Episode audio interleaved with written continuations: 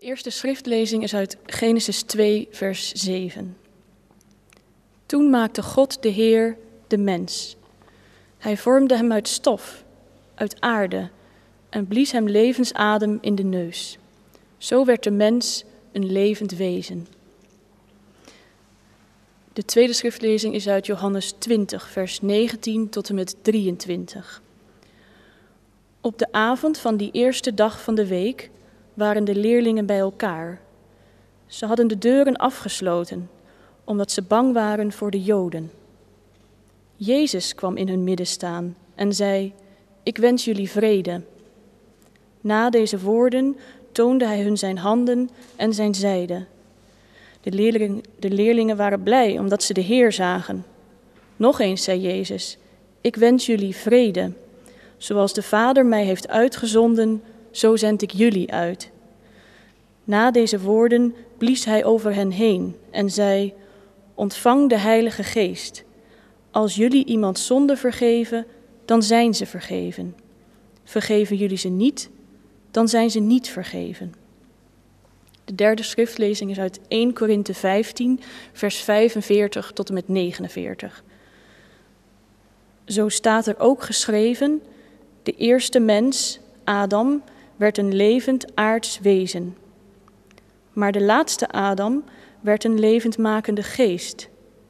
Niet het geestelijke is er als eerste, maar het aardse. Pas daarna komt het geestelijke. De eerste mens kwam uit de aarde voort en was stoffelijk. De tweede mens is hemels. Ieder stoffelijk mens is als de eerste mens. Ieder hemelsmens is als de tweede. Zoals we nu de gestalte van de stoffelijke mens hebben, zo zullen we straks de gestalte van de hemelse mens hebben. Gemeente van Christus, broeders en zusters. Pasen achter gesloten deuren. Sinds vorige week weten wij daar ook wel iets van af. We troffen onszelf aan achter gesloten deuren. We merkten, we merkten dat anderen hun deuren gesloten hielden. En we zagen gebeuren hoe voor bepaalde groepen in de samenleving de deuren potdicht gingen. Ik weet zeker dat het geldt voor sommigen van jullie die vanmorgen meekijken. Dat je zelfs als je naar buiten had gewild, dat het niet mocht. En dat valt helemaal niet mee. Pasen en gesloten deuren. Dat zijn nou twee dingen die voor ons gevoel absoluut niet bij elkaar horen. En toch, juist die combinatie van Pasen en gesloten deuren, die maakt volop deel uit van het paasevangelie. Die hoort al heel lang bij het oude normaal. Al zolang er Pasen gevierd wordt in deze wereld, zijn er mensen die dat heel goed beseffen. In Johannes 20 zijn het de leerlingen van Jezus die zich achter gesloten deuren bevinden. De leerlingen van Jezus, je zou dus ook kunnen zeggen, zij zijn de gemeente. Zij zijn de kring die Jezus volgen. En je merkt, dan komt zo'n hoofdstuk ineens heel dichtbij. En ook de reden waarom zij achter die gesloten deuren zitten is treffend. Dat die leerlingen van Jezus zich in een soort thuisquarantaine hebben begeven, dat is uit angst, staat er. Ze zijn bang, schrijft Johannes, voor de Joden. Nou moet je daar tussen twee haakjes, goed om er even bij te zeggen, niets discriminerends in horen. Want de leerlingen waren immers zelf ook Joden. Beter zouden we kunnen zeggen de Judeërs. Dan vallen de stukjes namelijk wel op hun plek. Want de leerlingen van Jezus, dat waren Galileërs, dat waren noordelijke Joden. En zij waren dus bang voor hun zuidelijke broeders. Waarom? Nu ja, dat waren degenen die Jezus aan het kruis geholpen hadden. En, dachten zijn leerlingen, wie weet wat zij nog met ons van plan zijn.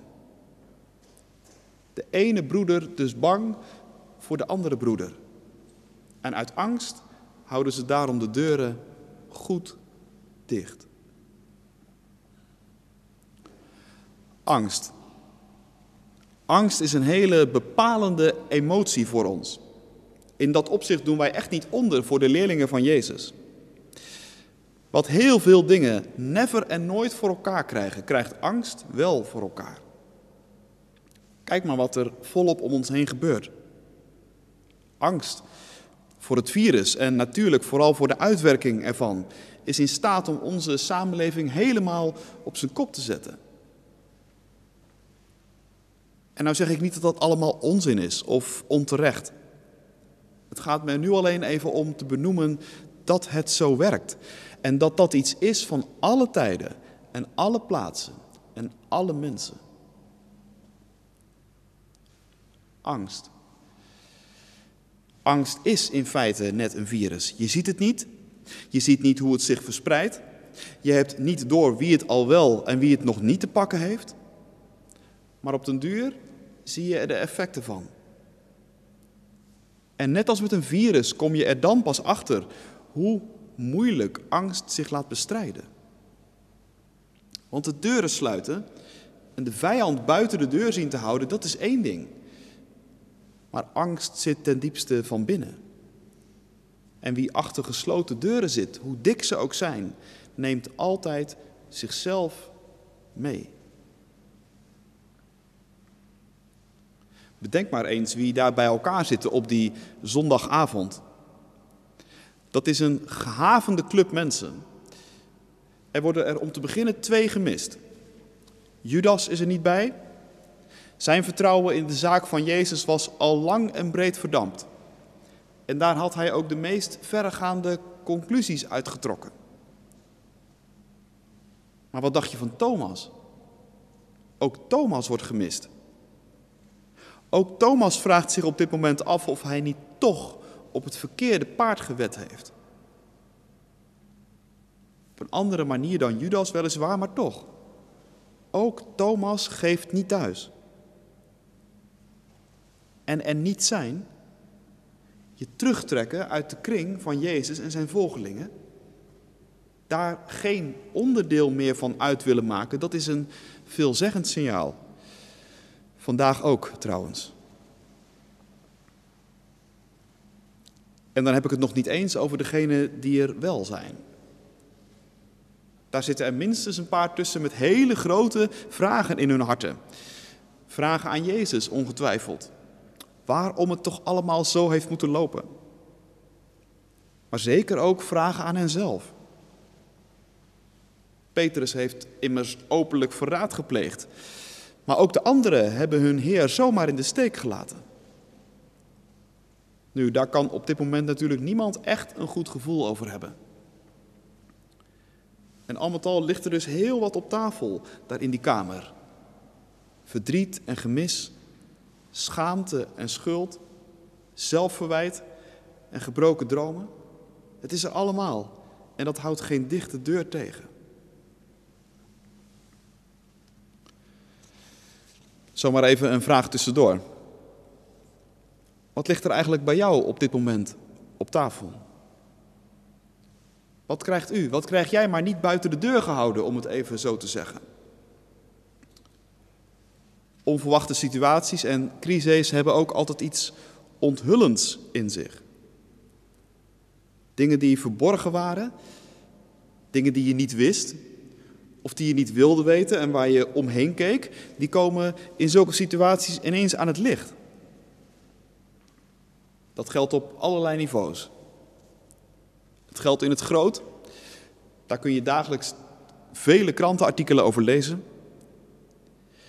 Er worden heel veel stukken geschreven over allerlei weeffouten in onze samenleving die nu zouden moeten veranderen. En er blijkt dus van alles op tafel te liggen. Maar dat geldt even goed in het klein. Gewoon op het persoonlijke niveau van jou en mij. Ineens zit je al wekenlang veel meer op elkaars lip. En komen bepaalde dingen van je karakter of van de levensvorm die je hebt des te scherper naar boven. Misschien wel spanningen in je relatie. Of bepaalde geloofsthema's of vragen. Ik ben daar eigenlijk ook wel echt benieuwd naar. Wat dit hele gebeuren met ons, met ons geloof, met ons kerk zijn zal doen. Al dat soort dingen houdt geen dichte deur tegen. Maar dan, ineens blijkt dat die dichte deur voor Jezus geen barrière is. Want plotseling, plotseling is hij daar. Hij staat daar in het midden, schrijft Johannes. Hij staat.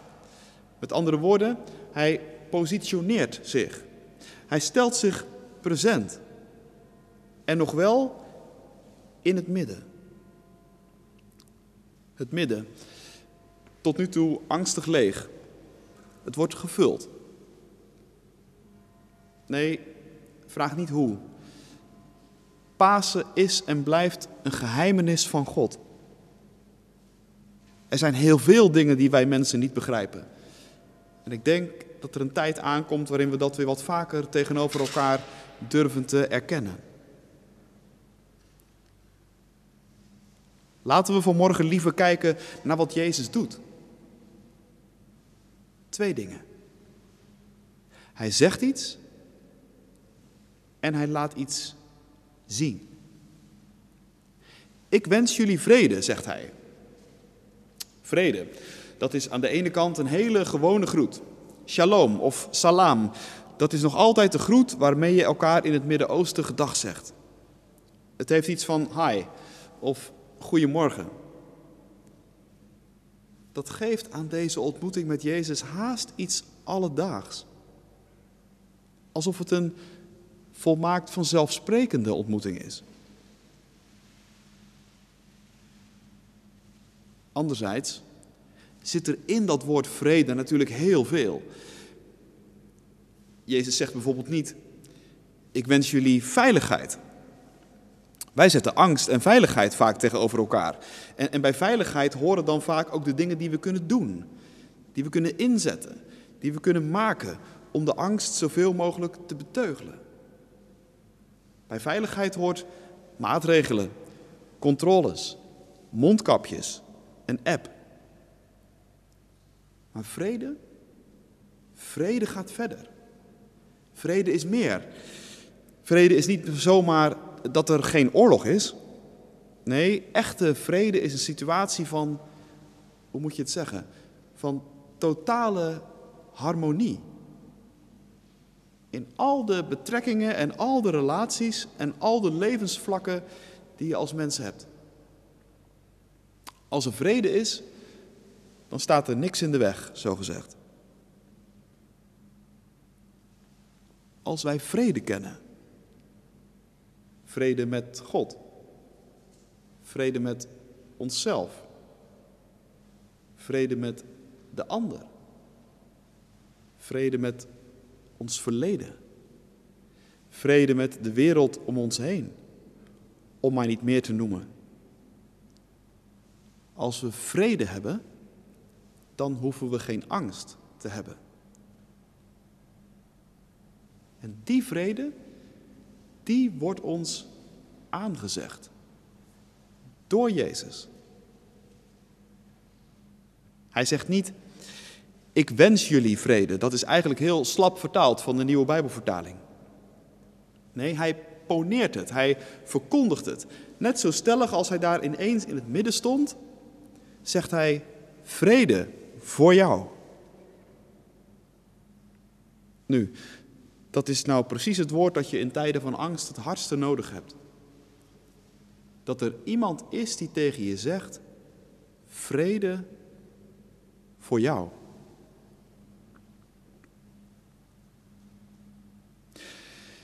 Ja, zeg je, er wordt zoveel gezegd. Waarom zou ik dat nou geloven? Nou, dat heeft bijvoorbeeld te maken met wat Jezus vervolgens laat zien. Hij zegt niet alleen wat, hij laat ook iets zien. Hij laat zijn wonden zien. Dit zegt dus niet iemand die niet weet waar hij het over heeft. Dit zegt niet iemand die handig inspeelt op onze angst om daar vervolgens nog gauw even een slaatje uit te slaan. Nee, dit zegt de gekruisigde. Dit zegt de Heer met wonden in zijn handen en met wonden in zijn zij. Dit zegt de Heer die al onze angst en al ons verdriet volstrekt serieus neemt. Dit zegt de Heer die al ons tekort en al ons, al ons falen en al onze schuld volstrekt serieus neemt. Zo serieus dat hij eraan dood is gegaan. Aan zijn wonden kun je zien wat die woorden vrede voor jou hem hebben gekost. Niet minder dan zijn allereigenste leven. Hij kent de angst als geen ander, maar hij is sterker dan onze angst. En niet dat die angst na die woorden van Jezus ineens als sneeuw voor de zon zomaar verdwenen is. Dat niet. Maar er is wel iets mee gebeurd. Er is een soort plaatsverwisseling gebeurd. De angst staat niet langer meer in het midden. Daar staat hij nu, de opgestane, de levende. En de angst heeft plaats moeten maken voor hem. Ik denk, dat is geloven. Geloven in Jezus betekent niet dat je immuun bent of immuun wordt voor al het moeilijke en al het erge dat elk mens kan overkomen. Maar het betekent wel dat er dingen van plaats veranderen. Niet meer angst of schuld.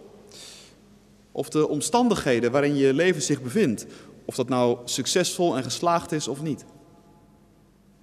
Niet meer alles wat jij denkt en voelt en vindt staat in het midden. Niet meer al die dingen die zich voortdurend aan ons opdringen en die onze aandacht opeisen. Maar Hij, de opgestane, de levende.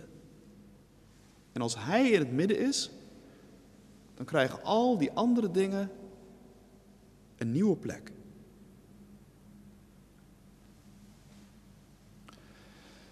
Het gaat nog verder.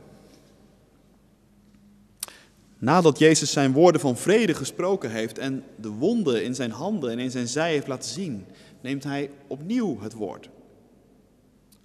Zoals de Vader mij heeft uitgezonden, zegt hij, zo zend ik jullie uit. En dan blaast hij op hen. Het is alsof er een nieuwe schepping gebeurt. Ik weet niet of het je wel eens eerder is opgevallen, maar Johannes vertelt zijn paasevangelie zo dat het in feite een scheppingsverhaal 2.0 is. Jezus verschijnt aan Maria als de tuinman, alsof hij Adam in het paradijs is. En hier, als Jezus op de leerlingen blaast, gebeurt Genesis 2 opnieuw. Toen God ooit mensen wakker riep en die kwetsbare, broze schepsels die wij zijn, zijn adem in de neus blies, toen werden wij levende wezens, niet eerder. Wij zijn, zegt Psalm 103, uit stof aan het licht gekomen en we leven slechts op de adem van zijn stem. Met andere woorden, zonder God zijn wij nergens. Wij moeten het van Hem hebben, vanaf ons allereerste begin en ook nu. Hier laat Jezus zien dat Hij de nieuwe Adam is. En dat Hij bezig is om een nieuwe mensheid te scheppen. De eerste Adam, een levend wezen, zal Paulus laten schrijven in de Korinthebrief, waar we een klein fragment uit lazen. De tweede Adam wordt een levendmakende geest. Levend makend. Zet daar gerust even een streep onder. Er gaat opstandingskracht van hem uit. En door over ons heen te blazen, maakt Jezus nieuwe mensen van ons.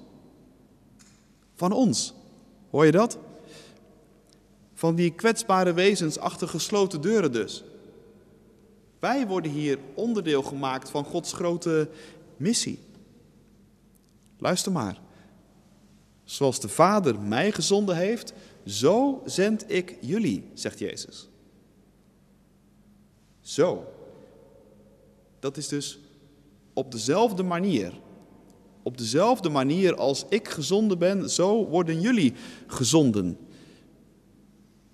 Net als Jezus dus, worden jij en ik geroepen en erop uitgestuurd met woorden van vrede. Je wordt erop uitgestuurd om een vredestichter te zijn. Om diezelfde woorden tegen elkaar en tegen anderen te zeggen die Jezus ook tegen ons zei. Vrede voor jullie.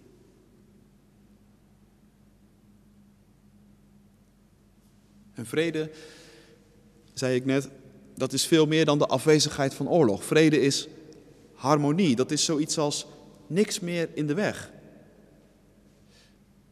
Nou, wij weten allemaal dat voor het zover is, er soms een heleboel moet worden opgeruimd. Vandaar dat het in vers 23 ineens gaat over de vergeving van zonde. Over het opruimen dus. Het opruimen van alles wat die vrede met God en met een ander, met jezelf en met de wereld om je heen in de weg staat. Dat is waar Jezus op uit is. Op vrede, op verzoening, op vergeving. En in Zijn naam mogen we elkaar en mag je ook een ander die vergeving aanzeggen. En wil iemand zijn of haar verantwoordelijkheid niet nemen, blijft iemand tegen beter weten in een andere kant uitkijken, spreek hem of haar daar dan ook op aan. Want bij vergeving hoort ook sorry zeggen. Vergeving zonder sorry, dat gaat niet. Dat lijkt me zo ongeveer de bedoeling van vers 23. Zonder sorry blijft de zonde een macht in onze levens en blijft het een kracht die ons vasthoudt en die ons die volle vrede met God ontneemt. Maar waarom zou je het vertikken om sorry te zeggen? Je zegt het immers niet tegen de eerste de beste.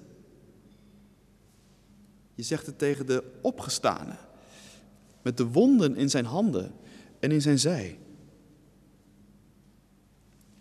Christus is niet zomaar een God. Pascal zei het zo. Prachtig. Christus is een God die je zonder hoogmoed tegemoet treedt en onder wie je zonder wanhoop je hoofd buigt.